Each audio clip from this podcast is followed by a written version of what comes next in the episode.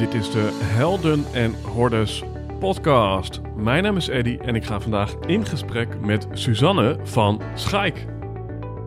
In de zomer van 2016 ontdekten we dat we een schakel waren in een netwerk van mensen die wij Conscious Business Founders zijn gaan noemen.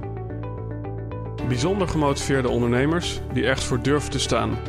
Ook als dat inhoudt dat ze daar alleen voor staan. Die 200% toewijding willen geven voor 1% groei en zeggen: Dit ben ik en dit is mijn bijdrage aan een meer gebalanceerde wereld. Helaas kon je niet bij al deze gesprekken aanwezig zijn. Daarom hebben we die bijzondere verhalen voor je samengebracht in deze podcast. We wensen je veel luisterplezier, maar belangrijker nog, we hopen dat jij de volgende stap gaat zetten in jouw avontuur.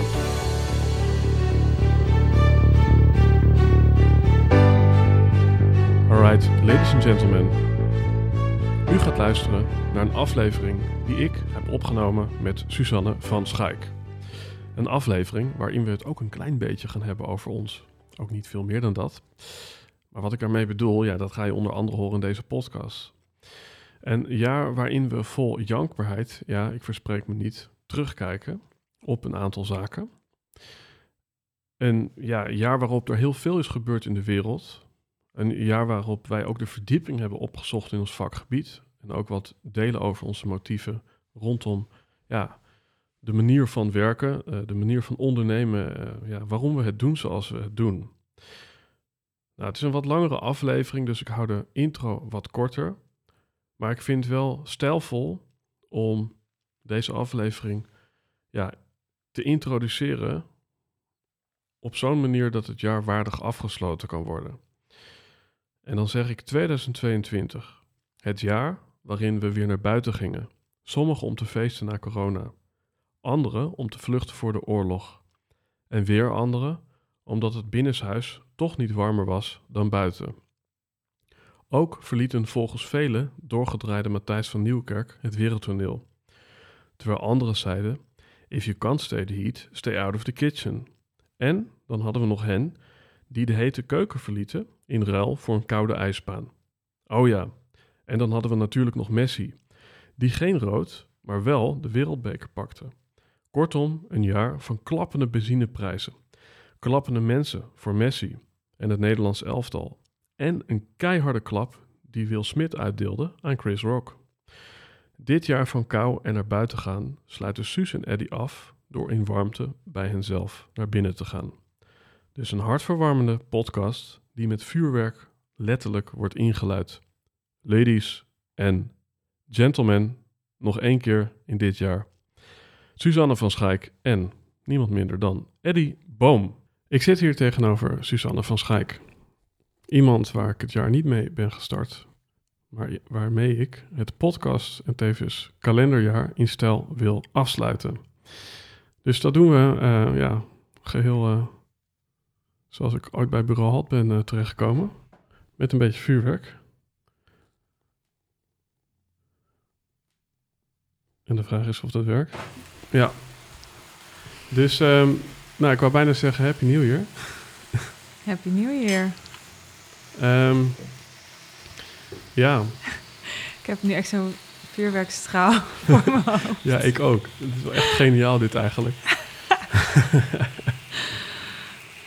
Het wordt wel echt warm hier ook. Ik had uh, ja, voor de luisteraar misschien leuk om te vertellen, uh, net ook al geprobeerd, maar toen heb ik de onderkant aangestoken. En dat uh, zou ik niemand willen aanraden. Um, nou, tot zover. Um, dit was Helden Hordes van dit jaar. Nee. Um, Oké, we gaan terugkijken op dit jaar. En terugkijken ja, op een aantal thema's die ja, dit jaar misschien voor iedereen hebben plaatsgevonden. Uh, thema's die ook in ons uh, werden gespiegeld of geprojecteerd. Op ons als individu. Um, en dan helpt het misschien, ja, voor de ja, luisteraar die wat vaker uh, hierbij is geweest, van ja, ik heb dit wel eens het jaar afgesloten met een vriend. En um, ja, wat is dan precies onze verstandshouding? Nou, misschien helpt het om te zeggen dat Suzanne en ik een stelletje zijn. Nu mis ik echt zo'n knop die dan zegt, ah. um, ja, En toen hadden we het idee om een tweede podcast eh, op te nemen. En toen ja, dachten we, waarom sluiten we dan niet samen het jaar af? Ehm, een bewogen jaar, denk ik. Iets minder eh, in de wereld misschien. Als we kijken naar nou ja, alles wat natuurlijk met corona is gebeurd. Ja, is, is de wereld misschien in iets rustiger vaarwater gekomen. Ik denk eh, dat jij en ik ja, ieder voor onszelf wel kunnen zeggen dat, het, ja, dat dit misschien nog wel een lastiger jaar was dan het jaar daarvoor. Klopt dat? Ik ben nog een beetje aan het bijkomen van die vuurwerklucht. Ja. Van die lucht ook. Ja. Iemand zei deze week tegen mij... Ja, jij was die ondernemer die tijdens corona opeens... van uit, ja, uit haar as herrees of zo. Ik had me dat helemaal niet zo gerealiseerd. Maar ik ben echt een ja, helemaal tot bloei gekomen tijdens corona. En ehm, ja, dus voor mij was corona niet een, uh, een zozeer een moeilijke tijd, omdat het toen corona was. Mhm. Zowel als mens niet als ondernemer niet. En ja, afgelopen jaar was denk ik pittiger dan, uh, ja, dan 2020 en 2021. Wat zijn thema's die daarin ja, voor jou uh, aandacht vroegen? Wat popt er zo even bij je op?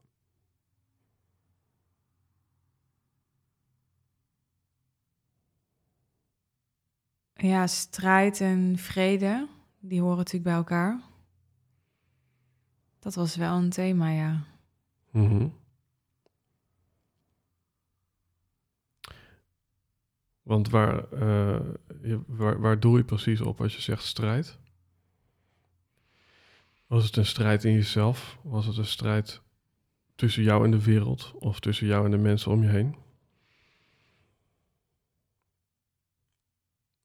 Nou, ik denk dat het uiteindelijk, als je ervan uitgaat dat uh, de buitenwereld je binnenwereld weerspiegelt, dan begint het natuurlijk altijd met uh, een strijd in jezelf. Dat is niet leuk om te zeggen, maar. Mm En daarmee automatisch ook met uh, de buitenwereld. En het gaat er ook niet altijd om of dat het feitelijk zo is dat er meer strijd in de buitenwereld is, maar je ziet het dan ook meer of het de strijd die er is, komt eerder in je veld. Terwijl als die strijd niet zou resoneren met je, dan zou die strijd er misschien ook zijn in de buitenwereld, maar dan zou je hem veel minder zien of tegenkomen. Komma vrede. Dus wat heeft vrede in die zin te maken met dit jaar voor jou? Nou, ik ben wel heel erg zoekende geweest in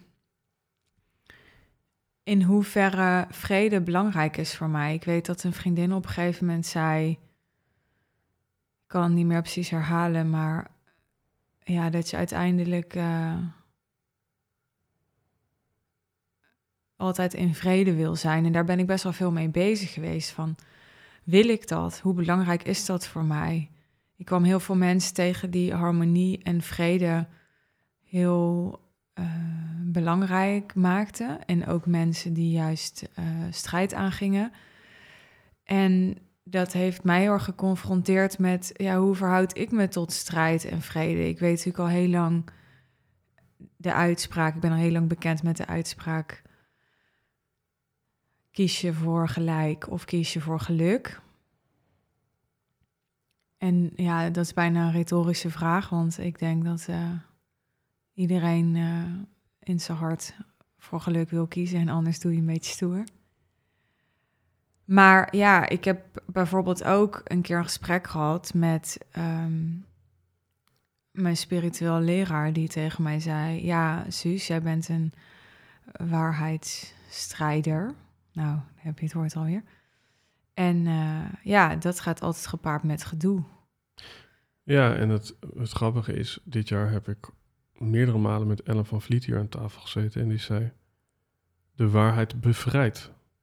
Dus zij koppelde de waarheid aan, aan, aan vrij, bevrijding. En daarmee denk ik ook aan vrede, want Denk maar aan Bevrijdingsdag, dat was de dag dat de vrede werd uitgeroepen.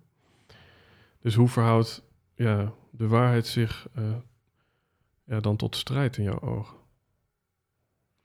Nou, ik weet niet of bevrijding gelijk staat aan vrede. Ik denk dat er voor bevrijding heel vaak strijd is.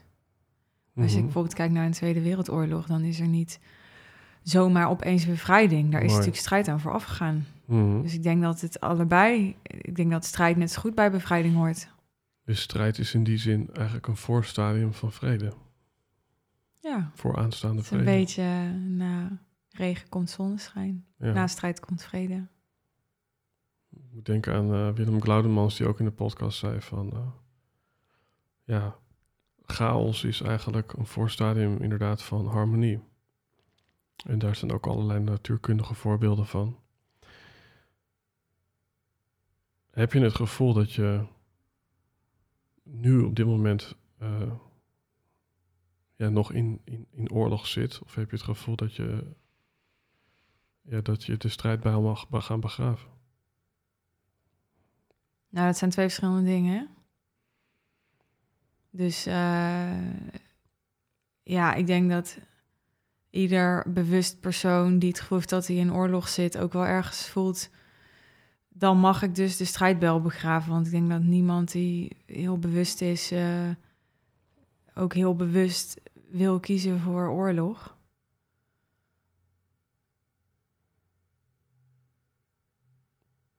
Ja, kijk, het meest voor de hand liggende antwoord is natuurlijk, dat wilde ik net ook zeggen, dat je kiest voor geluk in plaats van gelijk. Dat je kiest voor vrede in plaats van strijd. Maar ik, ja, ik, eh,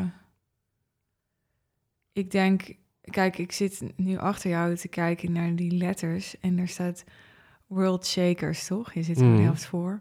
Ja, en dat resoneert wel met mij. Ik voel me ergens ook wel een world shaker. En ik denk, een world shaker, ja, die, die is volgens mij niet eh, alleen maar de hele tijd harmonie en vrede. Die is ook gewoon er om de dingen.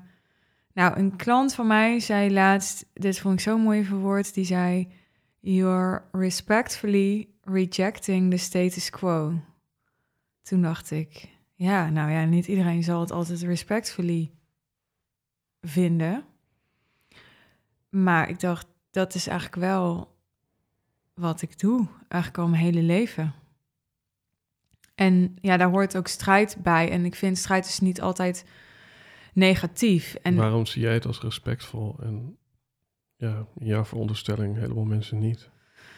nou, ik vind mezelf heel integer en puur. En ook regelmatig wel primair en eh, soms onaangepast.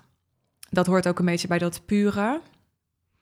En dat onaangepast of dat directe, dat kan je ook bot vinden. Dat kan je ook asociaal vinden. Dat kan je ook kwetsend vinden. Dat kan je ook, ehm, ja, wat kan je er nog meer van vinden? Eh, in ieder geval, dat kan je als niet respectvol interpreteren. Kan de waarheid ook met een zachte landing gebracht worden? Of, of, of gaan die twee gewoon eigenlijk altijd samen? Nee, dit kan zeker. Ja. Wat, wat, is, wat is dan de reden dat mensen die de radical truth delen vaak op weerstand stuiten? Wat jou betreft.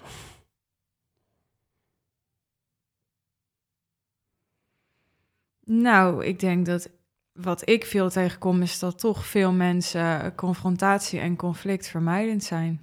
Mhm. En de radicale waarheid is behoorlijk confronterend voor het gros van de mensen. Mhm.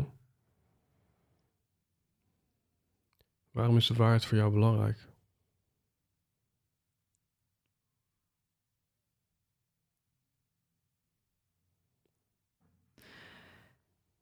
Omdat er zonder waarheid of zonder de waarheid belangrijk te maken voor mij te veel eh, chaos is in het leven. Ik, dat creëert voor mij structuur.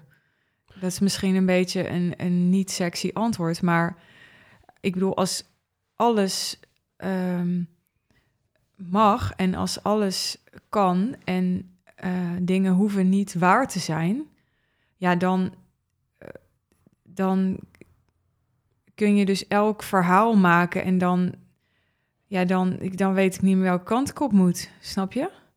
Dus als, als je niet uitgaat van wat klopt, ja, dan kun je overal van uitgaan. Nou, dat vind ik veel te verwarrend. ik vind het mooi, want ik uh, heb Tibor ooit horen zeggen: de waarheid is altijd kort en simpel. En uh, dat stuk van Tibor, dat uh, ja, onderschrijf ik volledig. Ik denk dat ik een, een essentialist ben die af en toe ja, omkomt in de, in de chaos. Maar net zoals dat jouw bestemming misschien de waarheid is, is mijn bestemming essentialisme. En ik denk dat die twee ook veel met elkaar te maken hebben. Um, want wat is de definitie van essentialisme? Dat is minder en beter. Dat past volgens mij ook heel goed bij high-end. Uh, wat jij in ieder geval tot nu toe hebt gedaan. En gaan we het zo over hebben. Waarschijnlijk ook blijven doen, maar goed. Kleine cliffhanger. Um, nou ja, kijk dus... Ik ben benieuwd waar je nu op bedoelt. Nou, ik moest net even lachen, omdat ik je had het over de waarheid is altijd kort en simpel. En ik weet dus niet of ik het dan daarmee eens ben. Want voor mijn gevoel is juist een waarheid super genuanceerd. En daarmee niet altijd kort en simpel. Nou, dan sla je het ook een beetje plat. Nou, ik denk dat de waarheid in die zin kort en simpel is. Dat net zoals bij een hele ingewikkelde wiskundige som er uiteindelijk maar een antwoord is wat bestaat uit één getal. Maar misschien is de manier om tot dat ene getal te komen een heel, heel genuanceerd proces. Dus ik denk dat het proces naar waarheid heel genuanceerd is, maar de waarheid zelf kort en simpel is. Tot zover. ben je daarmee eens? Ja, ik denk het wel.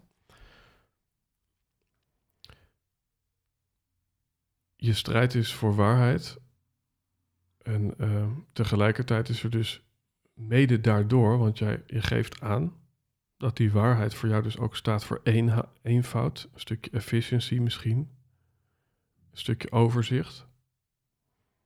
En tegelijkertijd, als waarheidsstrijder in, in fantasieland, noem ik het maar even, stuit je constant op weerstand en leef je dus eigenlijk mede daardoor in chaos. Ja, nou toen jij net zei, je strijdt dus voor waarheid, toen, toen voelde ik allemaal weerstand in mezelf. Want toen dacht ik, ja, ik kan ook heel veel voorbeelden opnoemen waarbij ik juist ja, de, de discussie of het conflict of wat dan ook heb laten gaan, omdat ik er heel bewust voor koos om niet te strijden. Alleen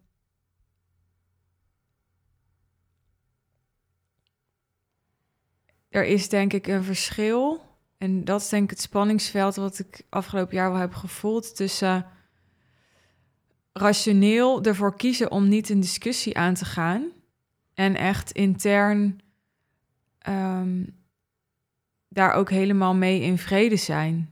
En ook echt intern de behoefte loslaten om een rechtvaardige uitkomst te krijgen, bijvoorbeeld. Ja, dus moet de waarheid op tafel? Of moet de waarheid uh, ja, in jouw leven? Nou ja, het, mooiste is natuurlijk altijd uh, dat tweede. Kijk, als je ervan uitgaat dat, nogmaals, de buitenwereld jouw binnenwereld weer spiegelt, dan is natuurlijk het enige wat uiteindelijk echt van belang is wat er van binnen gebeurt. En dat is sowieso misschien wel het enige wat echt van belang is. Want de hele wereld kan in oorlog zijn als er in jou vrede is. Ja, wat maakt het dan eigenlijk uit? Als er in, in mhm. ieder vrede is, toch? Bestaat er één waarheid of bestaan er een heleboel waarheden? Nee, er, bestaan, er bestaat niet één waarheid in mijn beleving. Nee, dus dan kun je dus feitelijk ook strijden voor iets waar die ander net zo goed gelijk heeft. Ja, en dat is het hele, uh, nou ik wilde zeggen complexe, maar ik wil eigenlijk dat woord niet gebruiken. Het hele, ja, fascinerende aan dit thema. Mhm. Het is het bekende voorbeeld. Ik eh, teken een 6 op tafel, maar jij ziet een 9. Ja, Kunnen we daar uren over discussiëren. ja, Dus wat is er nodig om die rust en die vrede, die efficiency die je eigenlijk dus zoekt, ja, binnen zo'n situatie toch te krijgen? Dus je zit met iemand die totaal anders naar de werkelijkheid kijkt.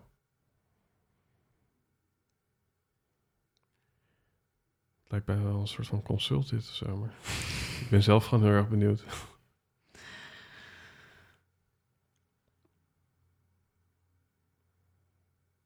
er is nodig dat je niet iets nodig hebt. Denk ik. Op het moment dat je het nodig hebt om gelijk te krijgen, of dat je het nodig hebt om erkend te worden, of dat je het nodig hebt om bevestigd te worden, of om opgenomen te worden.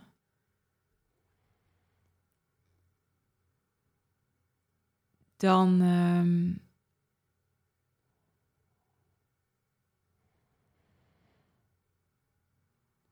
ja, dan ben je altijd aan het.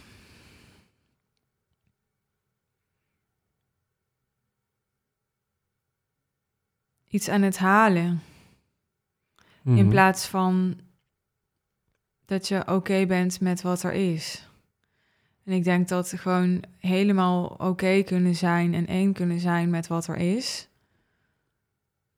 Dat dat eh, misschien wel de meest vredige staat is. Ja, dit is misschien heel filosofisch of abstract hoor, maar ik denk dan, zodra ik zeker weet dat ik de waarheid heb gezien of de waarheid in pacht heb, dan, ja, dan leef ik ten eerste heel erg in de dualiteit en niet in de non-dualiteit. Maar ik leef ook dus, dus eigenlijk ook heel afgescheiden. Want als ik de waarheid weet, dan, ehm, en jij ziet een ander, dan, dan is dus waarschijnlijk de reden dat we die erkenning zoeken of die verbinding zoeken, omdat we in feite dus toch een illusie hebben gevonden in plaats van de waarheid. Ja, Dus op het hoogste niveau is de waarheid dat jij en ik allebei gelijk hebben en allebei ongelijk. ja, Ja, ik vind het, ik vind het eh, ja, ik denk een, een heel mooi thema, omdat eigenlijk jou en mijn wereld naast de liefde elkaar daar raken. Omdat voor mij het moment dat ik dus las Scrape Away Everything, so there's nothing left but truth. Toen wist ik, eh, mijn missie is om de waarheid, ja, mensen hun essentie, daar zit ook het woord essentialisme, hun waarheid, ja, zo ongefilterd mogelijk ja, op tafel te krijgen en daarmee te presenteren. En dat is wat ik dan versta onder positionering. En dan komen we op het thema positionering. En dan kijken we zo meteen ook nog even naar dit jaar, want de luisteraar die denkt misschien, eh, ik zit hier met mijn eh, oliebol, what the fuck. Want positionering, zoals jij dat hebt ingestoken de afgelopen jaren, high-end positionering, dat, dat zorgt er dus voor dat je, nou ja, bij wijze van spreken als fysiotherapeut die 70 euro per uur verdient of per consult, ineens naar 5000 euro per dag kan gaan. Alleen maar omdat dat anders is gepositioneerd. nou, daar ben ik niet met je eens. Oké. Want dat was eigenlijk mijn vraag. In, hoe, in hoeverre is high-end positionering... Hè, in hoeverre is dat juist een onwaarachtig jasje... waardoor dingen mooier lijken of beter lijken dan ze daadwerkelijk zijn? Ja, dat is precies het hele, het hele vooroordeel. Mhm. Maar ehm, high-end positionering is meer een soort trekhaak om je hele bedrijf te upgraden. Maar het is niet zo dat omdat je je anders positioneert, bijvoorbeeld met taal, dus door anders te praten over wat je doet, dat je alleen daarom veel meer geld kunt vragen. Dat is een facet, doordat je ehm, ja, overtuigender en, en met uh, effectievere, uh, slimmere, betere woorden praat over wat je doet, kan die ander de waarde beter ervaren en beleven. Maar als je het daarbij laat, dan ben je nog steeds uh, heel veel potentieel niet aan het benutten. Waar ik mijn klanten ook bij help, is om daadwerkelijk hun aanbod waardevoller te maken. Niet alleen door de waardebeleving te vergroten, door er anders over te praten wat ze doen, maar ook door daadwerkelijk te zorgen, en nou ja, daar kan ik uh, uren over praten hoe dat je dat dan doet, dat een klant veel betere resultaten behaalt. Want het gaat ook nog niet eens alleen om hoeveel waarde een klant ervaart. Want een klant kan heel veel waarde ervaren door bijvoorbeeld heel veel aandacht te krijgen. Maar aandacht krijgen en waarde ervaren is ook weer iets anders dan hele goede resultaten behalen. En wat ik voor mijn klanten wil, is dat zij klanten hebben die vooral hele goede resultaten behalen. En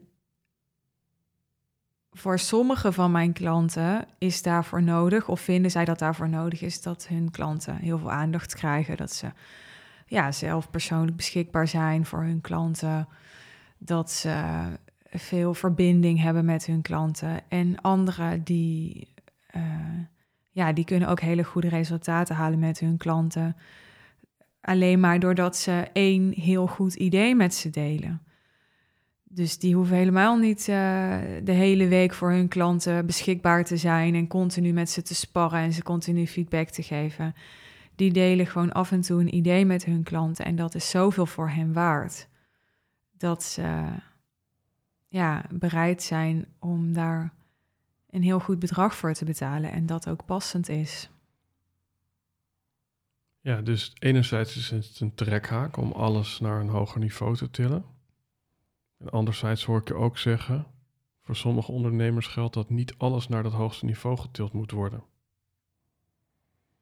Of, of til je ook als je bijvoorbeeld sociaal awkward bent, ja, tot het hoogst mogelijke niveau uh, je sociale skill? Ja, mooie vraag. Ik denk dat je het allerbest tot je recht komt als je een bedrijf creëert dat jou in staat stelt om de meest impactvolle ondernemer te zijn. En wanneer ben je het meest impactvol? Als jij uh, ja, op zo'n manier je klanten kunt dienen, dat dat voor jou ook heel goed werkt. Als jouw bedrijf je in staat stelt om een leven te leiden uh, dat jou optimaal voedt. Want dan kun je namelijk het meest geven. En dan kun je uh, ja, het meest bieden. Dus alles naar het hoogste niveau is vooral jij naar je hoogste potentieel. En dat is natuurlijk een beetje een uh, clichéwoord. Uh, jij zou uh, dat niet goedkeuren, denk ik, als jouw klant met die woorden bij jou kwam. Maar dat is wel wat je doet. Ja, dus het hoogste potentieel, dat kan ook een situatie zijn waarin er geen overvloed is op alle fronten.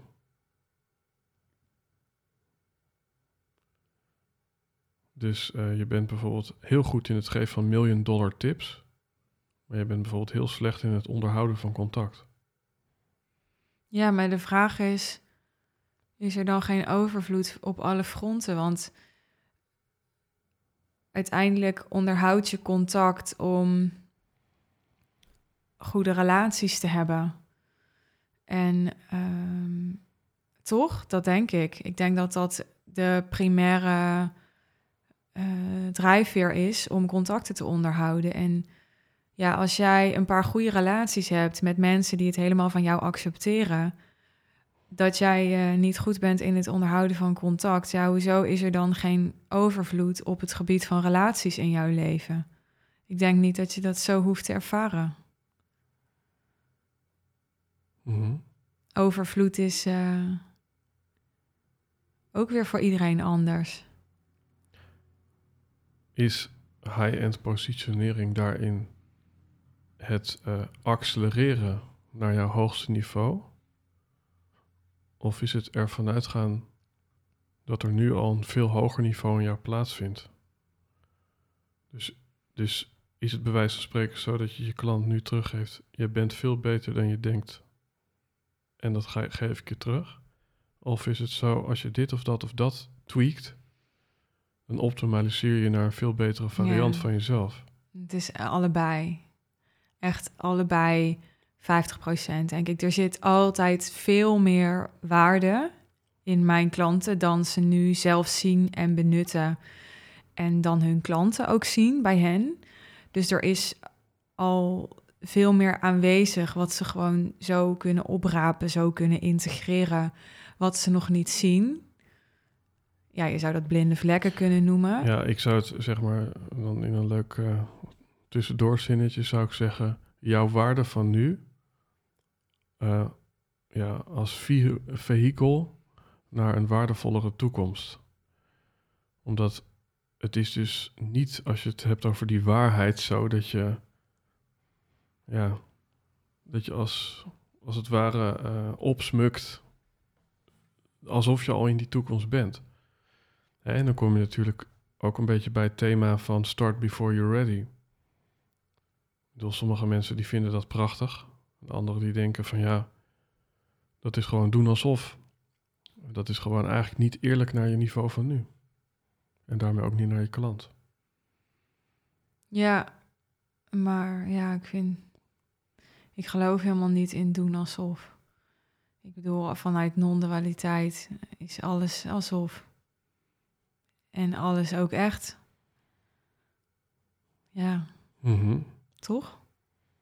Allebei. Nou, nou ja, kijk, eh, dat, dat is waar, maar, maar, maar in die dualiteit. Ja, eh, doe maar eens mee aan een wedstrijd eh, van de Olympische Spelen als je nog nooit hard gelopen hebt. Dus er is wel degelijk zoiets als ja, competentie of het niveau wat je nodig hebt om het ook echt waar te kunnen maken. Ja, ik denk dat dat eh, een kritiekpunt is op het high-end business model.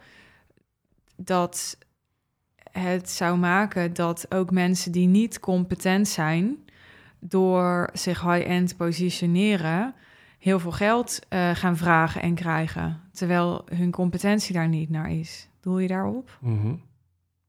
Ja. Want dat kan, ja, en dat is denk ik de hele paradox waar we het volgens mij over hebben. Van je, wil mensen terugbrengen naar de waarheid.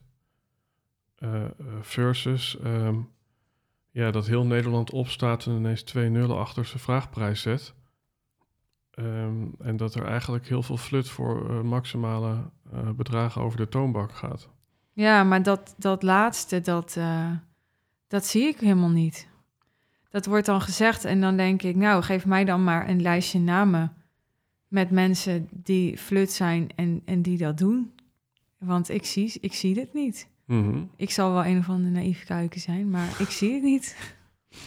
Nee, en ik denk dat dit een beetje een ethische discussie is. Want ik denk, ja, als we hier een half uur eh, op doorgaan, dan zie jij waarschijnlijk misschien wel ineens van die voorbeelden. eh, weet je wel, ik bedoel, het is maar net met welke pet je ernaar kijkt. Nou ja, kijk, ehm,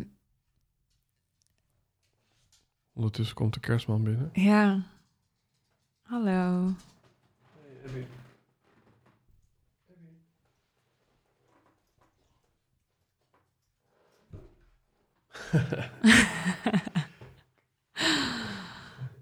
Hij is onze mascotte.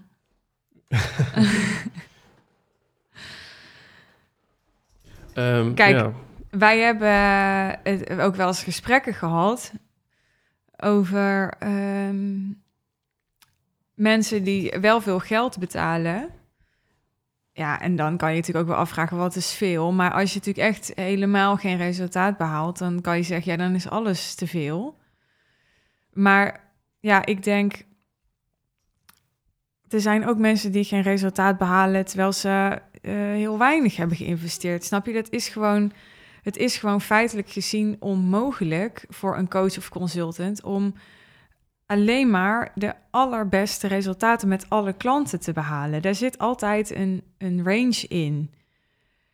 En dan is ook nog de vraag, ja, waar ligt dat aan? Want een, een coach of een adviseur of een trainer is maar een factor. En wat vervolgens jij als klant of als coachie daarmee doet, is dan nog een tweede.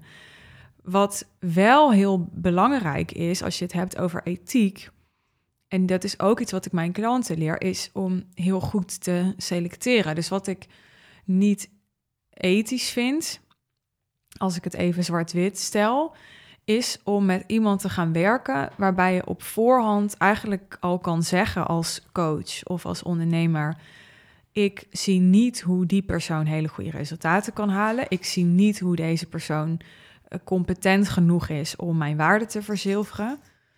Ik zie niet hoe, ja, hoe deze klant een van mijn allerbeste klanten kan worden als het gaat over resultaten.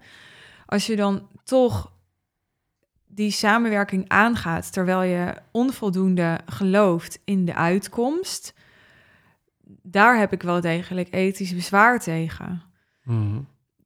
Maar om heel eerlijk te zijn, ik zie bij ondernemers die een low-end aanbod verkopen en helemaal niet hun klanten selecteren, maar gewoon iets aanbieden vanaf een salespage en iedereen kan het kopen, zie ik dus veel meer ja, klanten die, die eigenlijk helemaal geen klant hadden moeten worden, die nooit dat aanbod hadden moeten kopen omdat ze daar helemaal niet klaar voor zijn, dan bij ondernemers die een high-end aanbod verkopen met persoonlijke begeleiding, waarbij er eerst een verkoopgesprek heeft plaatsgevonden en waarbij er echt een, ja, een, een verkennend onderzoek is geweest naar: ga jij een hele goede klant voor mij zijn? Hè? Of ga ik hele goede nou, resultaten bij jou halen? Ik denk, ik denk waar het gewoon op neerkomt. Ehm, als een klant een maximale investering doet binnen zijn perceptie of wat, ja, ten aanzien van wat hij is gewend. En als jij uh, een bedrag vraagt, ja, wat, wat ook jouw status quo challenged, dan opereer je allebei op het scherpst van de snede. En uh, daar waar je scherp bent, net zoals met een sniper, um, ja, kun je veel uh, gerichter raken. Dus ik denk dat volgens mij, als je het over de trekhaakniveau hebt, dan, ja, dan, dan kan je er denk ik ook aan toevoegen dat het gewoon een manier is om ja, uh, je bewustzijn en uh, ja, je urgentie te verhogen. Uh, waardoor de resultaten misschien beter zijn. We zitten nu een beetje in top level in dit gesprek. Ik wil even weer een beetje gaan zakken. Want een term die jij dit jaar volgens mij voor jezelf hebt gedefinieerd is congruentie. Dus je kiest ieder jaar voor een woord. En volgens mij hebben we het daar eigenlijk al een beetje over gehad. Hè? Dus oké, mijn vraagprijs moet congruent zijn aan de kwaliteit van mijn product. Maar het moet ook congruent zijn aan wie ik ben, aan wie mijn klant is die ik tegenover me. Hè, dus je. Um, waarom heb je eh, het woord congruentie vorig jaar gekozen als zijnde een onderwerp waar je dit jaar mee aan de slag zou eh, moeten gaan?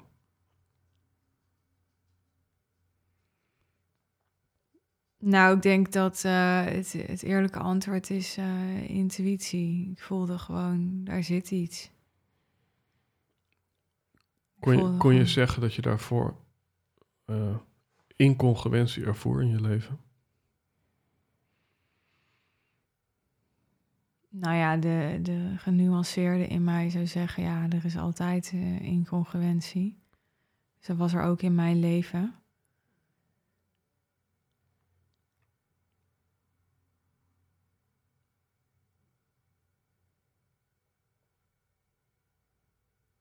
Ja, kijk, ik kan daar een heel rationeel verhaal van maken, maar jij wilde zakken. Dus ik wil eigenlijk niet heel veel woorden hiervoor gebruiken, want ik denk dat echt het antwoord gewoon was gewoon intuïtie. Zoals ik in mijn woord voor 2023 ook eigenlijk weer heel intuïtief heb gekozen. Ik kan dus wat andere woorden bedenken die ik ook had kunnen kiezen. Wat is het dat kwam woord gewoon geworden? tot mij. Relaties. En wanneer kwam dat tot je? Nou, ik denk eh, twee weken geleden of zo. Toen ik eh, met David de Kok eh, de eerste keer de zweethut in ging.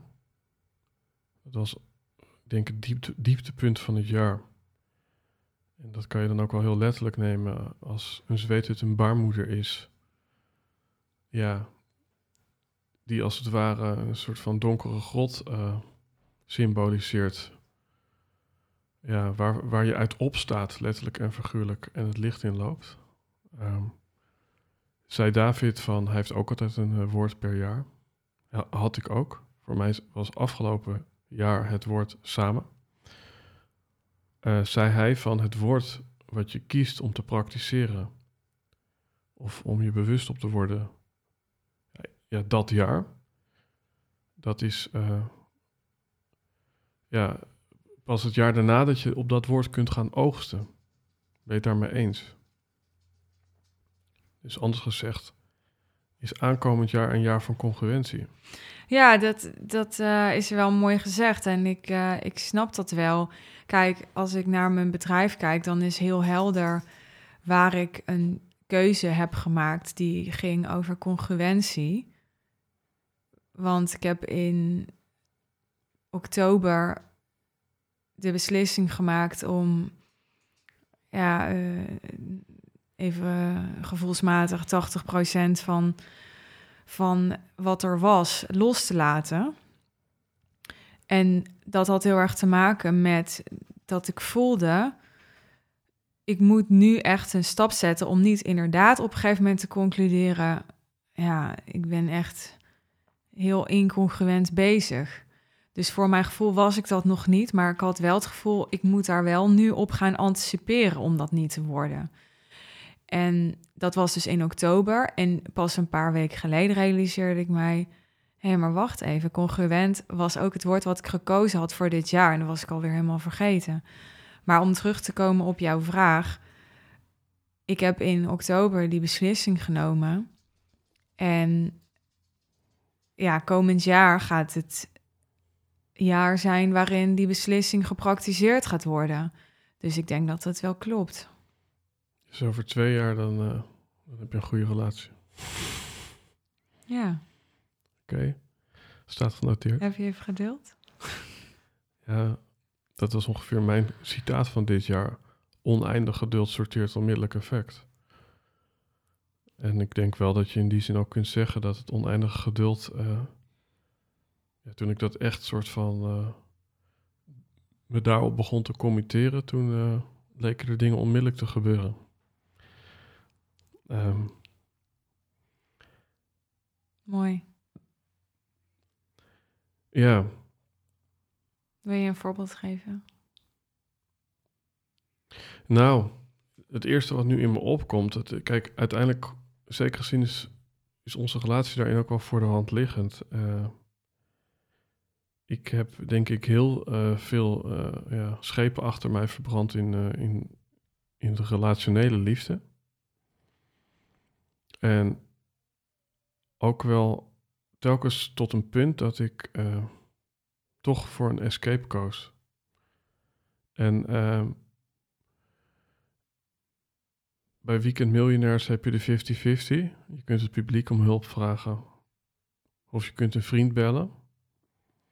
Maar als je goed kijkt, dan zijn het alle ja, drie manieren om het antwoord buiten jezelf te zoeken. Dan wel om niet met het ongemak te zijn. Ja, om, eh, om misschien gewoon te zeggen, ik weet het niet. En ehm, ik heb denk ik de afgelopen jaren ja, vaak het publiek om hulp gevraagd. Dus ik vroeg soms, eh, kun je mij financieel garant staan, vroeg ik aan mijn compagnon, als ik echt helemaal het onderspit ga delven. Of ehm, ja, ik ging ineens heel vaak met mijn zus bellen op het moment dat ik een uh, relatie-issue had. En ik zeg niet dat ik het dit keer allemaal niet heb gedaan. En de 50-50, die staat dan eigenlijk symbool voor... Ja, het misschien wel kiezen voor een pad wat, intuïtief... Ja, dat mijn hart eigenlijk zei, het klopt net niet, maar uh, vooruit dan maar. Dan hebben we tenminste iets. En daar bedoel ik niet mee dat mijn uh, relaties of zo uh, een soort van willekeurig gekozen waren. Want er was altijd wel heel veel aantrekkingskracht of liefde, maar uh, dat wat leuk is, is niet altijd hetgene wat klopt. En ik denk dat ik heel veel relaties dan heb gekozen, ook op wat toen leuk leek. Maar ook hoe ik dit huis waar ik nu woon heb gevonden, was niet omdat ik dat het leukste vond, maar wel wat het meest klopte bij mijn situatie. En daar, en daar ontstond eigenlijk de vrede. En als je dan dat weekend miljonairs verhaal, zeg maar, ja, een soort van gaat uitwerken, dan is het dus of zeggen ik weet het niet, wat in zekere zin denk ik verstandiger is dan al die hulplijnen en escapes, want zo worden ze ook wel genoemd in dat soort programma's. Nou, dan ben je, dan ben je soort van af, toch? Als je het niet weet. Nou, en dat was dus de grap. Um, ik weet nog dat ik Frank Bruining aan de lijn had. En uh, in die periode, en dan heb ik het over een periode dat mijn liefdesrelatie uitging en dat ik letterlijk zei: Kom maar op, ik ga niet weg. Ik ga geen escapes pakken. Hè? Wat zijn dan escapes? Nou, dat zou kunnen zijn dat je overmatig gaat drinken, of dat je op een dating app gaat, of dat je overmatig spullen gaat kopen, of vanuit je ego allemaal rare dingen op social media gaat doen. Ik deed het allemaal niet en ik verdween eigenlijk Terwijl de zon op zo hoog stond, verdween ik eigenlijk in een donker hol. En dat was dus op een gegeven moment die zweethut, maar ook gewoon dat ik heel veel dagen alleen in een donkere kamer heb gezeten. Namelijk mijn slaapkamer en met God heb gepraat. En daar bedoel ik mee uh, dat ik dus uiteindelijk al pratende, dus daadwerkelijk wel op het antwoord kon komen, zonder hulp van het publiek. En ik denk dat dat ook de grootste takeaway is die ik dit jaar heb uh, ontvangen dat op de echt moeilijke vraagstukken heb ik zelf het antwoord gevonden. En dan moet ik denken aan een uh, spreekwoord en dat is moeilijke dingen doe je altijd alleen. Dat is een uh, Oosters spreekwoord. En ik denk dat ik, en dan is de cirkel eigenlijk rond, dat ik dus heb ervaren dat het moeilijke wat ik moest doen, was eerst zeggen, ik weet het niet. Dat was met Frank Bruining aan de telefoon. Ik weet niet meer wat ik moet doen.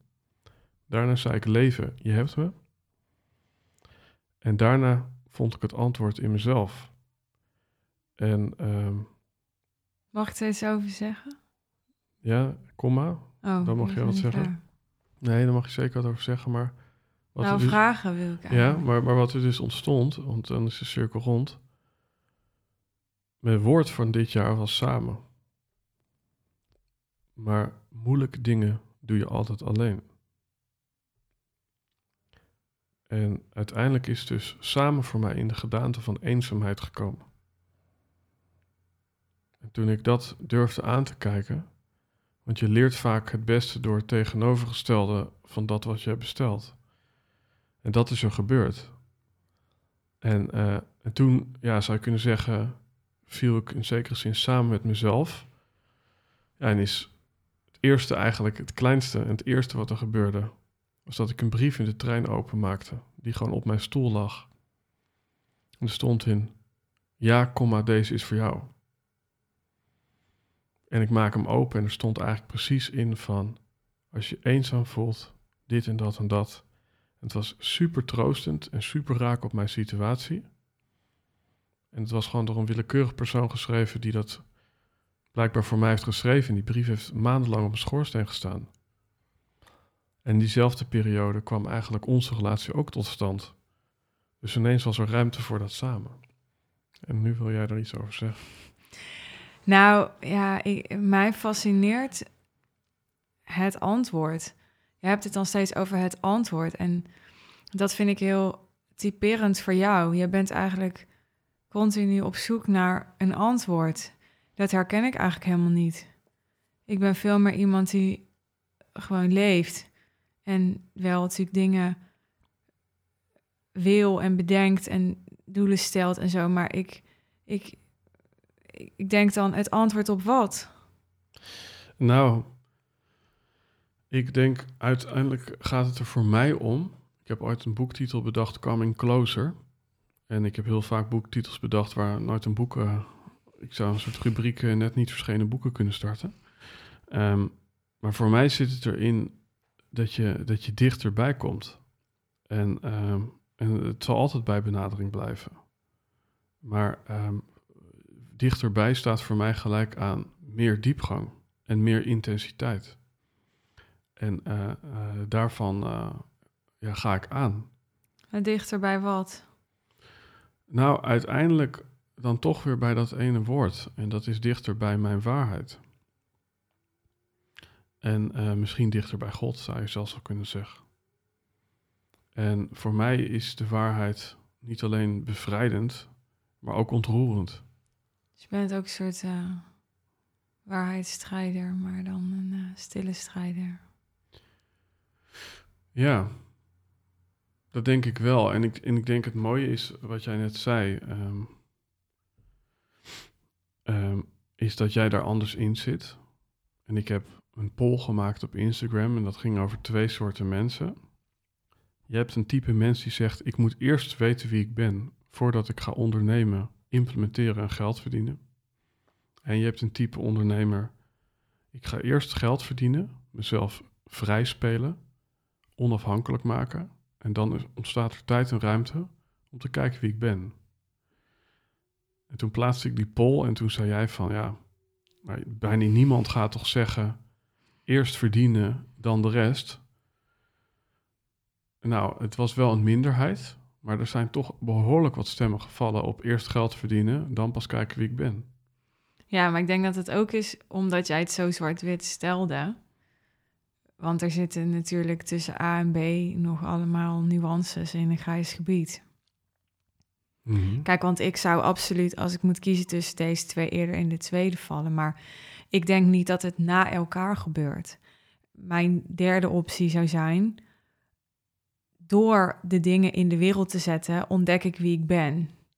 En, en dus ik ga eerst de dingen in de wereld zetten en door dat te doen, eh, leer ik mezelf kennen en vind ik mezelf uit. En jij doet het inderdaad in een andere volgorde. Nou ja, kijk, ehm, dan kom je ook op een klassiek punt. En dat vind ik mooi om zo meteen een klein bruggetje te slaan naar Enneagram. Eh, het Enneagram, niet de Enneagrammen, want ik word altijd verbeterd door mijn, eh, door mijn lief. Ehm, dat ehm, de ene eh, helft zegt, en er zijn ook misschien daarin nog meer opties, maar er is een groep mensen die zegt, eh, in stilte ontstaan de antwoorden. En er zijn ook mensen die zeggen, in chaos ontstaan de antwoorden. Want kijk maar hoeveel creaties er zijn voortgekomen en ideeën, juist in oorlog. En eh, sommige mensen zeggen, antwoorden ontstaan in beweging. En eh, weer anderen die zeggen, als je stil bent, dan zakt alle prut naar de bodem en dan heb je helder wat de waarheid is.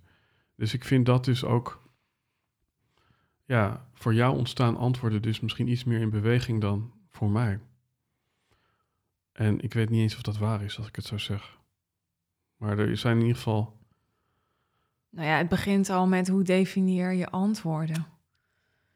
Ik denk, antwoorden zijn al iets super fluïdes. Kijk, wat vandaag de waarheid of het antwoord op een vraag is, kan morgen alweer anders zijn. Ik werk al jarenlang met, met klanten en dat is wat ik heel vaak als klanten er heel slecht bij zitten, maar ook als ze er heel goed bij zitten, ja, dan, dan weet ik gewoon al, ja, morgen kan de hele wereld er weer anders uitzien. Het zijn altijd momentopnames. en dat is ook een mooie, omdat ik denk dat de right to sell, waar David White ook over schrijft, dat is eigenlijk dus het bestaansrecht als ondernemer waarvanuit jij mag verkopen. Maar dan kan je denken, oh, heb ik dat recht niet meteen al? Is dat niet mijn geboorterecht? Want anders kan ik toch ook geen eten kopen. Maar wat ik bij mijn klanten zie, is dat ze vaak misschien nog niet de juiste woorden hebben, maar ze voelen al wel wat ze zijn, wat ze willen en wat ze hier komen doen. En dan vervolgens ga ik 12 tot 18 uur met ze in contemplatie. Gaan we die deep dive maken en op zoek naar die essentie. En daarna hebben ze dus 18 uur op één onderwerp gezeten. En dan then it's a proposition they can call their own. Dus dan voelt het dat ze het recht hebben dat ze kunnen zeggen: dit is mijn slogan of dit is mijn verhaal. Dit is wel een uh, goede pitch dit. Wil je even een CTA erin gooien nu? Nou, ik weet niet of het zo'n goede is, want wat ik feitelijk zeg is dat dat traject in zekere zin dus ook ja, vooral een soort hypnose is, waardoor jij gelooft dat je het mag verkopen. Ja, waarom is het geen goede pitch? Dat is volgens mij wat heel veel mensen willen. Ja, maar het is meer zo van uh, sommige mensen die kunnen al uh, heel goed auto rijden. Maar uh, toch is het vertrouwen is ontleend aan dat roze pasje. En dat staat vaak gelijk aan 20 tot 40 lessen. Maar eigenlijk konden ze het al, of kwamen ze er waarschijnlijk ook al redelijk uit zonder al die lessen. En dat is een beetje een gek onderwerp, want daarmee. Ik vind dus juist dat ik het ook disqualificeer. Maar goed, um, ik snap je punt. Um, ik wil nog met je kijken, want ik ben nu even aan het woord, maar volgens mij is dat ook de opzet om samen een beetje te kijken naar het jaar.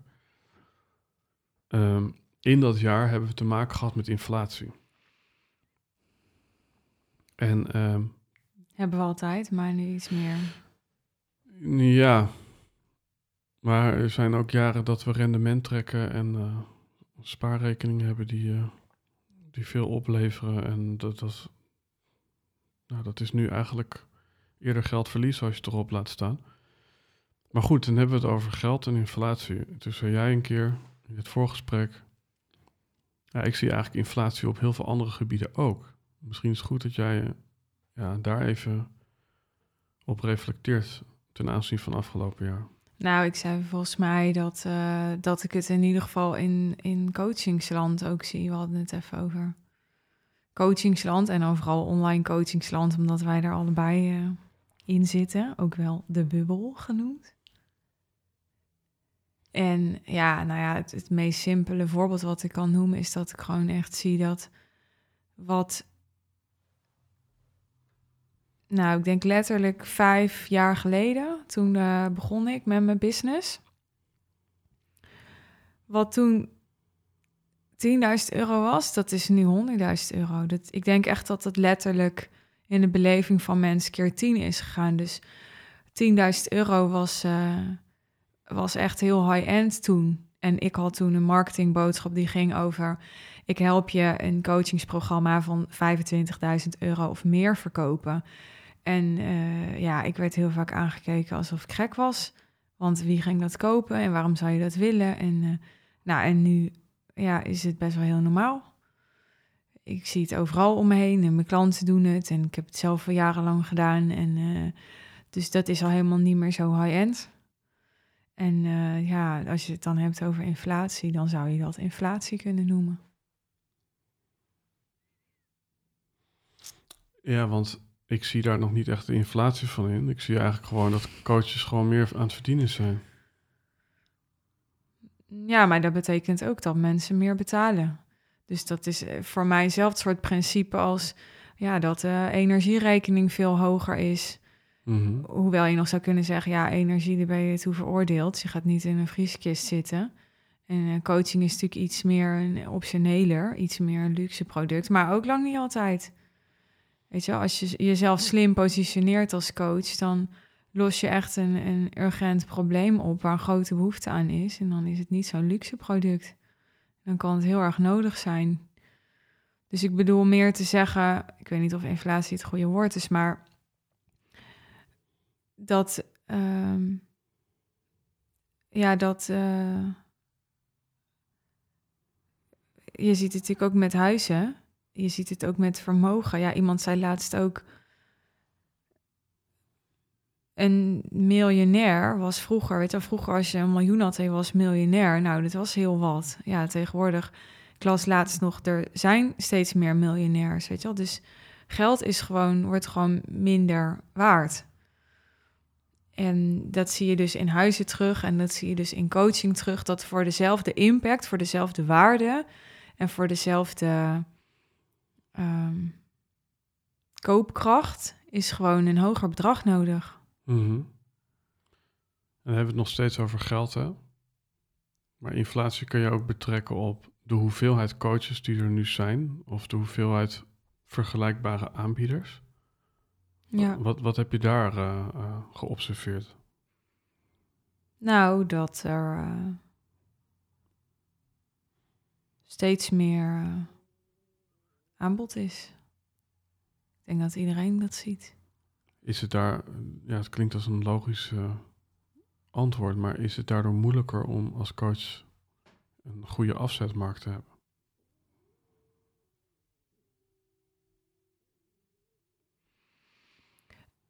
Het eerlijke antwoord is ja, ik denk dat het moeilijker is. En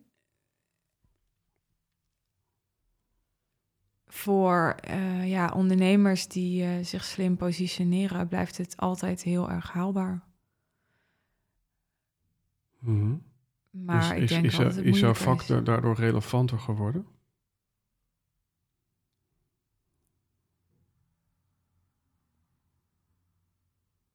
Nou, dat vind ik niet per se.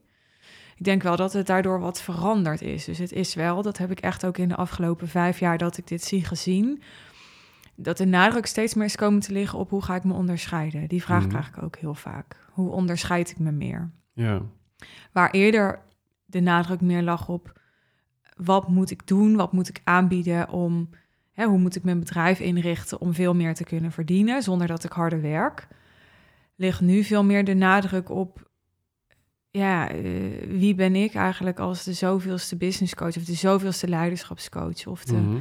zoveelste leefstijlcoach. is dat het verschil tussen een klantbelofte en een positionering? Ja, Dat is een fijn, een kort eh, staccato antwoord. Dus eigenlijk zou je kunnen zeggen, de verschuiving is gegaan van een propositie naar een positionering. Ja, ik heb het nog steeds veel over het woord eh, propositie, oftewel belofte. Alleen een belofte gaat nog heel erg over een oplossing. En op het moment dat er heel veel anderen zijn met een soortgelijke belofte of oplossing, ja, dan, dan is dus eigenlijk je propositie of je belofte niet goed genoeg. En dan komt het meer aan op hoe positioneer ik me.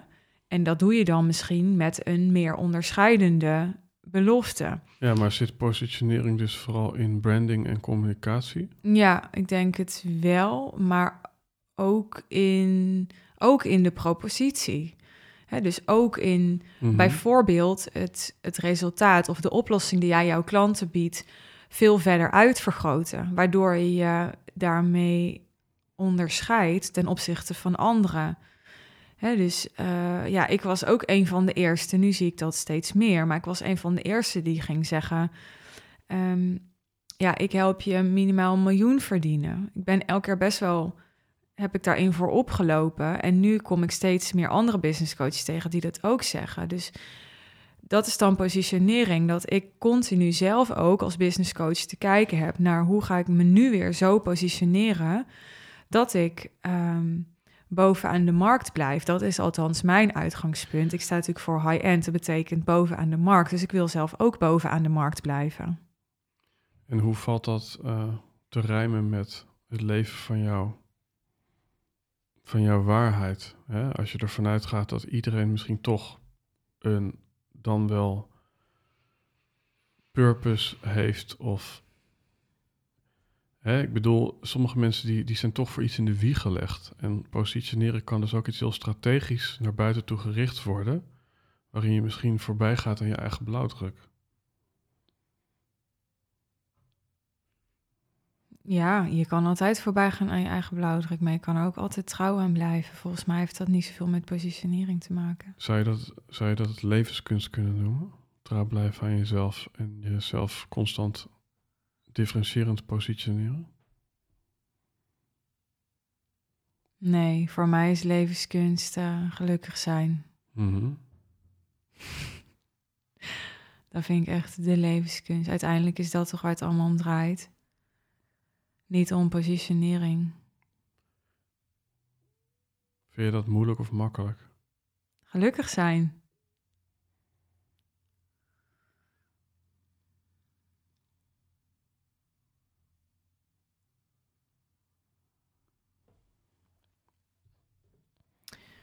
Ja, ik zit nu eerst na te denken over waarom denk je er überhaupt zo lang over na? Omdat ik denk dat ik het gewoon lastig vind om geluk aan moeilijk of makkelijk te koppelen. Mhm. Nou ja, ik, ik pak toch even de Bijbel erbij. Ja, doe dat. Want in de Bijbel, eh, ja, de beste versie van jezelf, eh, het beste boek over uh, Enneagram eh, voor mensen die instappen, wat mij betreft. Ik heb van jou ook een mooi boek gehad eh, met Sinterklaas en dat is wel, dat is geen instapboek, laten we het zo zeggen. Ehm, ja, eigenlijk, je nuanceert zo'n vraag en ehm, je bent daarin ook kritisch. En dat zijn volgens mij beide eigenschappen van een één. Namelijk kijken naar wat er beter kan en dingen perfectioneren. Dus ik lees hier even de drijfveren van een Enneagram 1 worden duidelijk als je de V-cirkel van de type begrijpt. Ik schets daarom allereerst de V-cirkel van de 1 en leg uit hoe deze werkt. Ehm, nou, wat zijn nou eigenlijk in de basis die, die, die kenmerken van een Enneagram 1? Die is constant verleid om dingen perfect te willen doen. Is constant aan het vermijden daar waar imperfectie plaatsvindt. Dus het kan al zijn dat je een bepaald restaurant niet in wil, omdat het imperfectie eh, bevat. Ehm, voor de luisteraar, we zijn vanavond uit eten. Ehm, en we hadden daar zo een, eh, ja, een gesprek over waar dat dan moest zijn. Ehm, je verdediging is reactieformatie. Dat is een heel duur woord, dat mag je zo meteen even toelichten. En je verslaving is woede. Ja. Ja, is allemaal waar. Ja, dus eh, even voor de luisteraar. Een enneagram, dat zijn negen ja, type mensen. En eh, natuurlijk kan je daarin ook een beetje fluïde zijn, maar waarschijnlijk herken je het meest in één van die types. En dat kan je helpen. Dat kan je helpen om dingen ja, voor jezelf te snappen, maar ook naar een ander toe uit te leggen. En ehm, ja, eerst even die begrippen langs. Dus je, je streeft naar perfectie, je haat imperfectie. Je verdediging is reactieformatie. Nou, dat woord dat verdient even wat uitleg. Ja, nou het grappige is, op het moment dat jij dus zegt je streeft naar perfectie, dan ga ik, ik, ik heb gewoon instant dan weer de neiging om dat te nuanceren. En dat is dus ook typisch in één. In één die zal zichzelf niet snel een perfectionist noemen, want als je een perfectionist bent, dan ben je dus perfectionistisch, maar een één die ziet alle tekortkomingen, alle imperfecties. Dus die zal zichzelf nooit een perfectionist noemen. Dus dat is mijn hele struggle. Mhm. Ik heb altijd discussies met mensen over of ik nou wel of niet een perfectionist ben. En iemand zei laatst, ja, je noemde jezelf laatst ook een perfectionist. Ja, ik weet dus dat ik een perfectionist ben, maar ik vind het eigenlijk niet. Mhm. Ja, Nou ja, dat even over het perfectionisme. En reactieformatie is dat je... eh, nou, je moet maar even kijken of dat, dat ook in het boek staat. Maar ehm, dat je dus vanuit het, het perfect willen doen... je... je emoties Em- regisseert. Kan je dat zo nou, zeggen? dat, ja. Ja. ja. Wil je dat zeggen? ja. Wauw. Ehm, ja. Nou ja, goed. En, en, ehm, en dat betekent dus inderdaad dat je bijvoorbeeld ja, voelt dat je iemand wel kan schieten. Maar dat komt er dan een soort van, ja, of niet uit, of het komt politiek eh, gearrangeerd naar buiten. Of, Ja, nou ja, als je het hebt over strijd, het is eh, afgelopen jaar ook wel een paar keer eh, wel naar buiten gekomen. Ja, want dat is dan die woede die in de verslaving, eh, in het- in het verslavingsspectrum van een één zit. Ja, maar ik wist dus echt een paar jaar geleden niet hoe boos ik was. Echt geen idee. Ik weet nog dat ik leerde over het enneagram en dat ik leerde over die woede en dat ik echt dacht, nou, dit kan ik niet zijn, want ik ben nooit boos. En toen zeiden mensen echt, ja, dat denk jij, maar het stoom komt uit je oren. Dus ik kan dan vanuit die reactieformatie heel erg niet boos reageren. En ik merk dat sinds ik me bewust ben van die woede, laat ik het ook veel meer gaan. Ik had toch een overtuiging van. Ik, ik identificeerde me met een niet boos persoon. En dat heb ik nu veel minder. Ik ben me nu heel erg bewust van mijn woede en ook ik zie het ook echt als mijn kracht. Want in mijn woede zit ook mijn, mijn passie en mijn drive. En ehm, ja, ik zie gewoon letterlijk hoe ik daarmee ook drie stappen verder ga dan een ander. Ja, want dat, dat is ook wel iets wat ik bij jou heb ervaren dit jaar en misschien wel van je geleerd heb. Maar we hadden het net over gelijk en geluk. En dan ben je toch best wel een zakker als je voor je gelijk en niet voor je geluk gaat. En ehm, nou, je bent ook best wel een zakker als je bij wijze van spreken nou, de resultaten en niet de relatie centraal stelt, bijvoorbeeld. Nou ja, en, en dan ook zo'n voorbeeld is, ja, je bent best wel een zakker als je kwaad wordt. En dan denken we even aan Matthijs van Nieuwkerk, wat er Ja. dit jaar is gebeurd. Terwijl toen zei jij zo mooi, ja, eh, wie heeft er gezegd dat we niet meer boos mogen zijn? Ja, ja ik, heb, ik ben er echt best wel verbolgen over, over die discussie. Je bent boos over dat, er, ja, dat je niet meer echt boos mag zijn. over. Ja. Ja. ik ben echt, ik, ik, ik, ja, als je het hebt over waarheidsstrijder, ik had echt, nou, ik had er achteraf nog wel misschien veel meer op willen staan. Ik, ik, en ik had het bij John de Mol al, maar daar vind ik helemaal moeilijk om over te beginnen, want ik ben het echt wel fundamenteel met het gros van de mensen oneens. Mhm. Ja, Ja, want dan komen we ook nog eventjes minuaal bij dat thema van... ehm, waarin jij eigenlijk lijkt af te wijken van de rest van de mensheid. Want eh, dat is denk ik ook wel een thema wat, wat jij dit jaar heel erg eh, hebt eh, ondervonden. Misschien wist je het al, of misschien voelde je het al. Alleen dit jaar heb je het misschien ook wat meer gespiegeld ge- ge- gekregen. Wa- Wat pops your mind als je kijkt naar waarin jij ja, toch wel af lijkt te wijken van? Misschien is daar een exemplarisch voorbeeld van.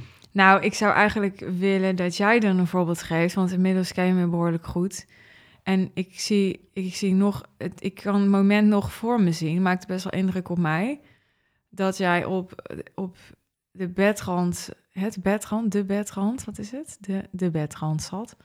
En dat jij op een gegeven moment zei, ja, ik wil niet jou eh, de woorden in de mond leggen, maar jij zei echt van, ja, ik heb echt heel wat relaties gehad en ik heb heel wat vrouwen van dichtbij gezien. Maar, nou ja, je zei iets als, ze komen echt bij benadering niet in de buurt van hoe ik leefde. Dan moet Mhm. jij zelf maar uitleggen wat je daarmee bedoelde. Want ik schrok daar best wel van. Ik dacht echt, nou, is dat zo afwijkend dan?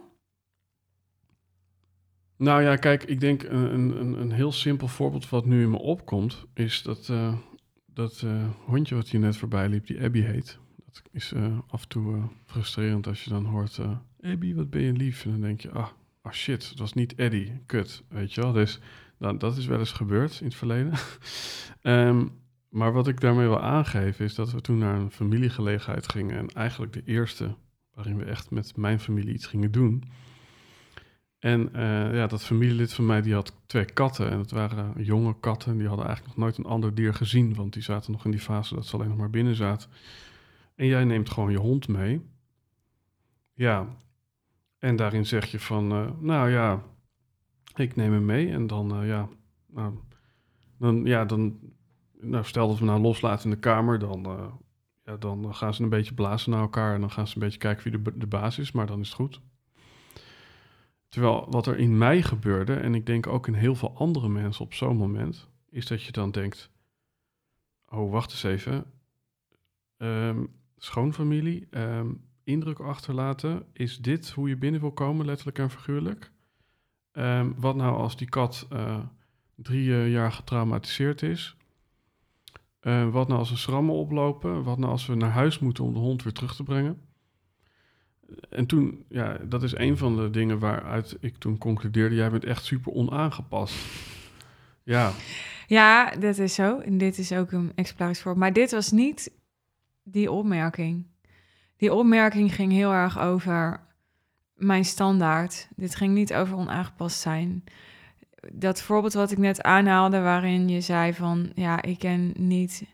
de vrouwen die ik ken, die ik komen niet in benadering daarbij in de buurt. Dat ging echt over eh, de standaard waarop ik leef. Weet je dat nog? Ja, Mhm. je zegt altijd, ik heb geen geheugen, dus... nee, ja, ik, ik, ik, ik heb inderdaad geen geheugen, maar waar dit volgens mij eh, over gaat is. ehm, gewoon, je kan het ook heel feitelijk bekijken van welke vrouw eh, in Nederland van jouw leeftijd ehm, komt nooit in een supermarkt omdat ze altijd online boodschappen doet. Ehm, heeft een assistent die de sleutel heeft en ja, onaangekondigd binnenkomt om daar of een maaltijd te koken, dan wel een kerstboom neer te zetten. En ja, eh, terwijl er meanwhile ook nog iemand in de tuin een soort van eh, aan het schilderen is. En ja, terwijl je dan ook nog een schoonmaakster hebt en, en een heel team en eh, ja, een bovengemiddelde omzet en ga zo maar door. Dus ehm, het, het, het high-end, dat, dat, dat zit ook aan de achterkant, laten we het zo zeggen. Dat is dus waar we het net over hadden, uh, positionering of propositie. Ja, het, is, het, het zit in alles. Ik bedoel, um, als er een keukenrol uh, op tafel mist en iemand zet een wc-rol neer, dan denk je, een wc-rol? Terwijl waarschijnlijk heel veel mensen denken, hoe cares, wat is het verschil? Maar voor jou is dat dan toch iets wat in jouw retoriek niet, niet past. Ja, dus dat is die perfectionist. Mm Het heeft veel meer daarmee te maken dan met high-end. Ja, en dat is weer ook de nuance van een één, om dit te zeggen. Maar om even terug te komen op dat onaangepast. Wat vind jij daar dan van? Want ik bedoel, je hebt al een paar keer dit voorbeeld gegeven, dus het zit je wel hoog. Nou ja, kijk, het, um, het was voor mij echt bijna een soort van um, paradigma shift, omdat ja, ik merkte wel dat ik daar aan het begin moeite mee had. Uh, waarom? Omdat ik een vier ben. Dus ik wil eigenlijk constant, uh, ja, dat de groep van me houdt. En als je dan iemand aan je zijde hebt die dingen anders doet, dan kan dat een bedreiging zijn. Niet zozeer voor jou, maar dat voor mij gehouden wordt. Want ik word dan een soort bemiddelaar tussen, tussen, tussen jou en, en die ander bijvoorbeeld. En, maar goed, ik denk dat mijn bewustzijn dusdanig, uh, ja, dat klinkt dan ook wel arrogant, maar ik meen het wel, ontwikkeld is de afgelopen jaren. Dat, dat ik ook gewoon meteen voelde van ja, ik kan hier een soort van weerstandig uh, tegen ageren. Maar volgens mij uh, word ik gewoon uitgenodigd om anders te gaan kijken, om daarmee mijn bewustzijn te vergroten. En dan kom je bijna op een stuk van, ja, eh, ik denk dat onaangepast ook vaak ja, geassocieerd wordt met asociaal of niet aardig. Terwijl ik dacht, het is misschien wel veel aardiger en veel socialer. Uh, het was misschien in ieder geval aardiger voor je hond, want die hoefde die avond niet thuis te blijven uh, in zijn eentje. Maar het is denk ik ook gewoon van, ja, hoeveel, ja, hoeveel uh, omwegen maken we met z'n allen? Ja, een beetje Byron Katie. Ja, daar waar we dit gesprek begonnen, we ook gewoon de waarheid met elkaar zouden kunnen leven. Ja. En daarin is het inderdaad naast inefficiënt, is het eigenlijk ook heel strategisch, en dat is heel paradoxaal om het zo uit te drukken, maar het is heel strategisch vaak om sociaal te zijn. Ja, precies. En kijk, jij noemt het uh, onaangepast en dat vind ik dan ergens wel grappig. Ik voel me daar niet door aangevallen en het is soms ook zo, maar ik denk dat het ook met een soort dominantie te maken heeft. Want het was heel simpel geweest. Als jij had gezegd, ik wil dat je je hond niet meeneemt, was die gewoon hier gebleven. Maar als, je, als niemand tegen me zegt: Ik wil graag dat je die hond thuis laat. Dan neem ik hem gewoon mee. Dan ga ik bepalen. Ja, en dan ga ik niet zeggen: Oh, ik ga. Misschien vinden ze wel dit of dat. Zo zit ik niet in elkaar. Nee, maar we, ik wou zeggen de vooravond, maar het is middag als je het dan over nuance hebt. Maar we staan nu aan de vooravond van morgen een etentje waar de hond niet meegaat. Precies. Omdat ik dat inderdaad nu heb gezegd. Ja. En, um, ja, en, en ik denk ook dat dat wel iets is um, um, wat ik echt ook van jou uh, heb gezien van en wat mensen dus misschien ook. Ik denk dat er heel veel misvattingen plaatsvinden rondom uh, wie jij werkelijk bent en wat mensen over je denken. En, uh, en een van die misvattingen is dus denk ik ook van jij doet dingen gewoon zoals je ze doet, maar je bent eigenlijk ook wel weer heel uh, elastisch. Dus als jij dan zegt van, hé, hey, uh, als ik tegen jou inderdaad zeg, hé, hey, die hond niet mee, dan zeg je, oké, is goed. Dus um, alleen er is iets in jouw uitstraling. En misschien zit hem dat juist in die perfecte uitstraling, omdat jij denk ik ook perfectie toepast op hoe je je kleedt en ga zo maar door. Dat mensen daardoor de associatie en dus de misvatting eigenlijk bij hun zit van, oh, dat is een dame waar je niet mee moet fokken, dus ik ga haar maar niet tegenspreken. Of ik ga haar maar niet zeggen, hey, we doen het vandaag zo. Terwijl die ruimte er vaak wel degelijk is bij jou. En, en ik denk ook dat dat wel uh, is wat ik bij je heb gezien. Maar ook die nuance. Hè? Dus ik heb bijvoorbeeld een leuk voorbeeld. Als ik zeg, ik heb zin in popcorn, dan bedoel ik daarmee, ik moet nu popcorn hebben en anders gaat je kop eraf.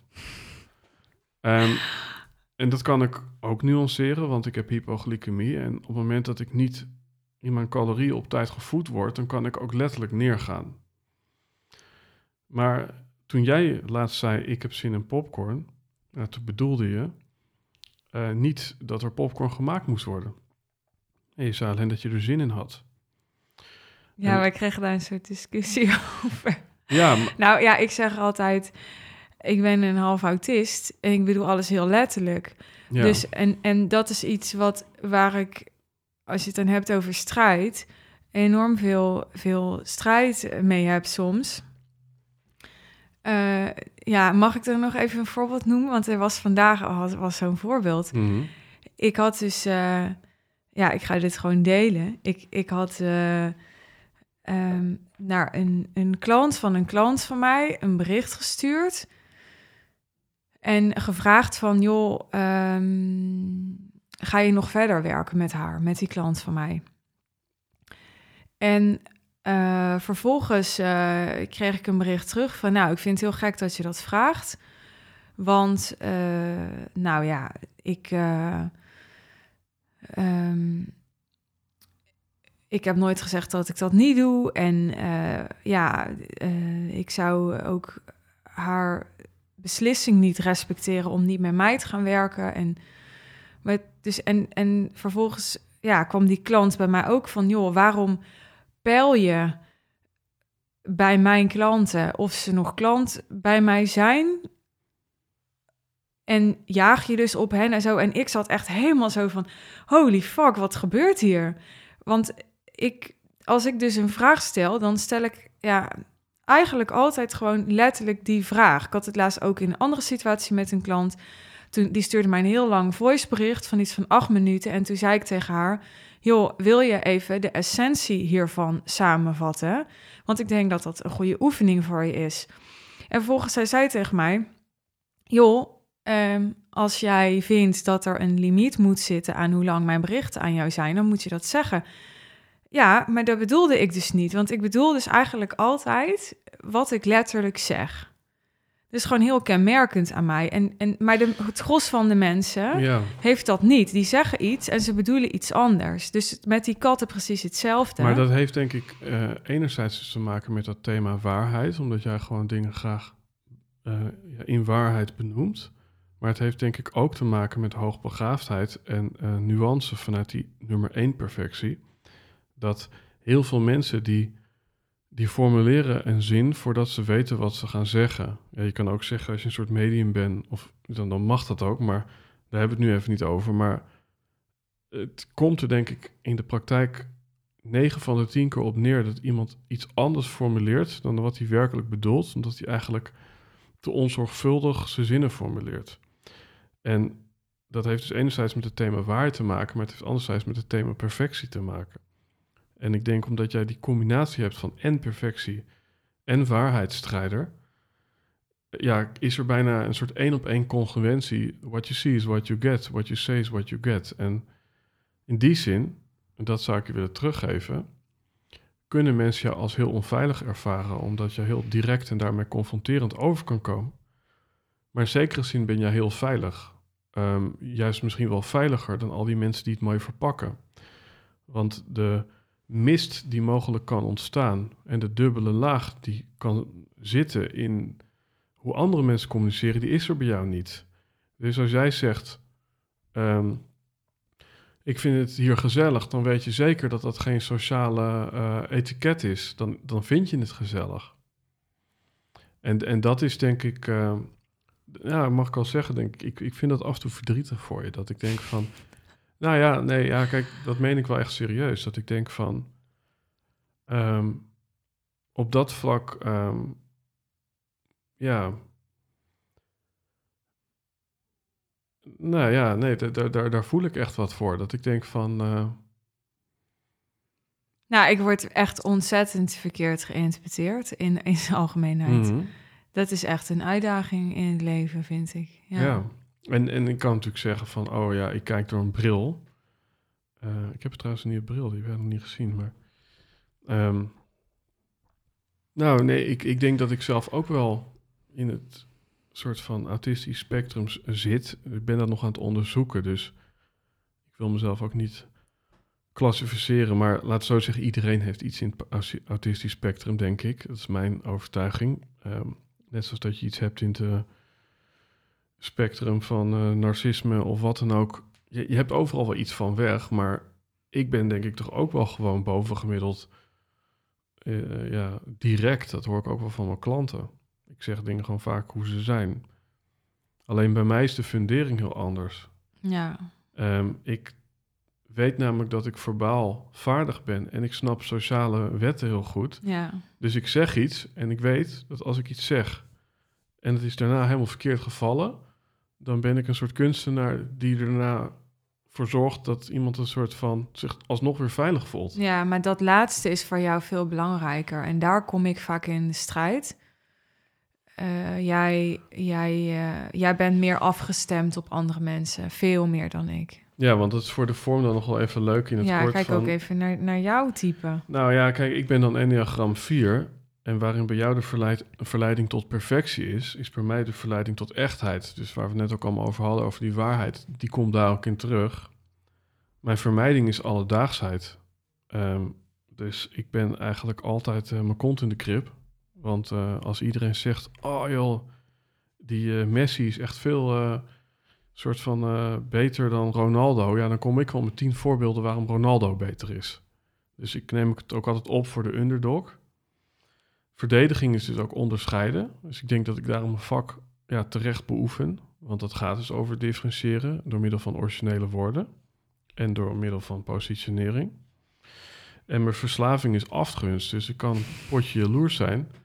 Ja, dat, dat, is, dat, is, dat is heel vervelend eigenlijk. Nou, ik vind afgunst echt iets anders dan jaloersheid. Maar ja, het, dat ik is vind, nummer één, oké. ja, nou, ik vind het echt heel grappig.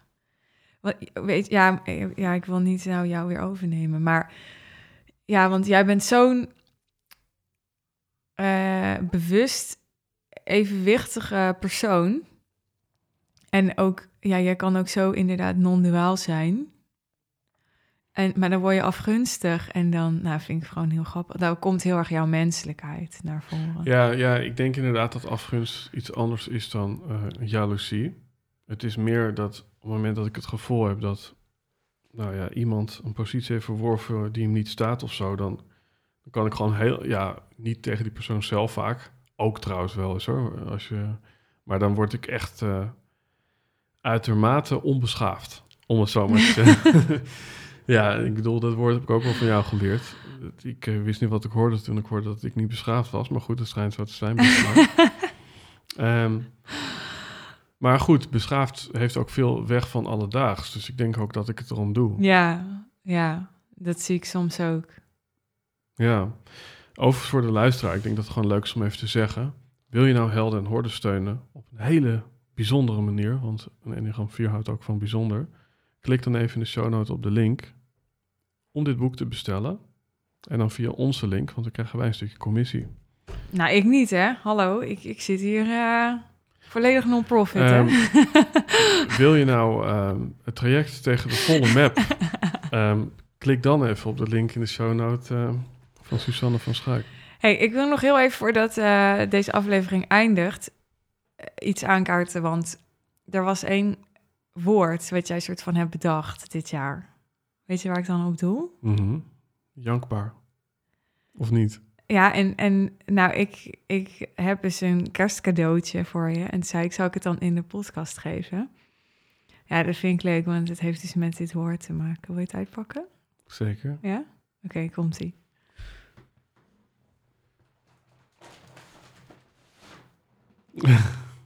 Alsjeblieft. Zit hier een labradoodle in? ja, dit is een inside joke, eh, mensen. Iedereen ieder geintje een seintje. What the fuck? Wat is dit? Hey, moeten we even aan de camera laten zien, ja, want anders ja, dan... ja, dat snap ik. Ik, uh, ik laat het in ieder geval even zien. Maar volgens mij staat hier Jankbaar op. Kan dat kloppen? Ja, maak maar open. Geniaal. Ja, nee, dat is een... In die zin moet het boek herschreven worden. Want jij bent gewoon duizend malen origineler dan ik. En ik ben alledaagser dan heel veel mensen zoals jij. Terwijl ik volgens de vier dus ja, origineel zou moeten zijn. Dit is echt briljant. Ja, dat is een kerstdekentje. Ja, dit is echt, nou, dit is echt goud. Ik denk, ook, ik denk ook dat ik vanaf nu gewoon alleen nog maar zo ga opnemen. Dan hebben we gewoon een radioshow. Ja, is leuk toch? Dan kan ik uh, de anonimiteit induiken. Nee, ik vind, ik vind het echt fantastisch. Omdat ik ben natuurlijk ook van de woordkunst, ik bedoel. ja, echt briljant. Ja, ik weet niet, ik vind het echt uh, heel leuk. En uh, nee, dit is niet geacteerd. Nee. Um, of moet ik nu jankbaarheid tonen? Dat ik nu mijn... Uh, ja. Dankjewel. En um, ik denk dat er nog heel veel meer besproken uh, kan worden. En uh, tegelijkertijd, als ik naar dit rijtje kijk, dan zijn er denk ik ook wel heel veel dingen besproken. En misschien is het gewoon mooi om even de blik vooruit te werpen van, ik denk dat, ja, dat er voor ons beiden gezegd kan worden dat het een, uh, een heel bewogen jaar was. Uh, voor mij om echt mijn schaduwstukken aan te kijken en afscheid te nemen van meerdere mensen, ook overleden familieleden. Uh, de relatie die ik aan het begin van dit jaar nog had. Uh, ja, dus, dus echt de onderkant aangeraakt. Uh, fysiek ja, eventjes enorm zwaar gehad. Ik weet nog dat ik Richard de Let vanaf de vakantiebestemming belde, omdat het ja, de pijn was even ondraaglijk. Niks ernstigs voor de luisteraar, maar het was even, het was even alles tegelijk. Echt alles tegelijk. En um, echt op een niveau van kan ik dit nog wel aan? En ik denk dat jij die momenten dit jaar ook wel hebt gevoeld, als ik dat zeggen mag. Mm. En tegelijkertijd ja, zitten we hier nu samen. En ben ik echt oprecht uh, ja, heel jankbaar voor ja, onze verbinding. Um, er zijn ook heel veel dingen ja, ja, die uit de chaos zijn uh, ontrezen. En um, wat, wat is nou ja, het, hetgene waar je ja, met een optimistische blik naar vooruit kijkt komend jaar? Ideeën die je hebt waar je misschien iets over wilt teasen of je hebt natuurlijk het woord relaties.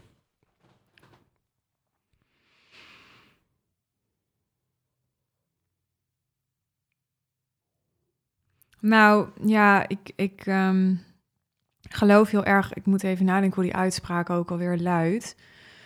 In een uitspraak en die, die gaat over van het gaat niet om wat je doet, maar het gaat om wie je kent of zo. Wie je bent, wie je kent. Ja, zoiets in ieder geval. En, en um, ik zei laatst ook tegen jou, een paar jaar geleden was ik op een business event. En stond daar een vrouw op het podium en die zei: Ondernemers zijn sociale dieren. En ondernemers zijn goed in relaties. En ik weet dat ik op dat moment dacht: Auw. Want ik, ik, dat ik echt dacht: Kan ik dit dan wel? Want ik, ik zag mezelf, dus ik ben dus die vrouw die gewoon haar hond meeneemt, ongeacht wat mensen ervan vinden. En ik dacht: Ben ik wel sociaal genoeg? Weet je wel, ben ik niet te introvert?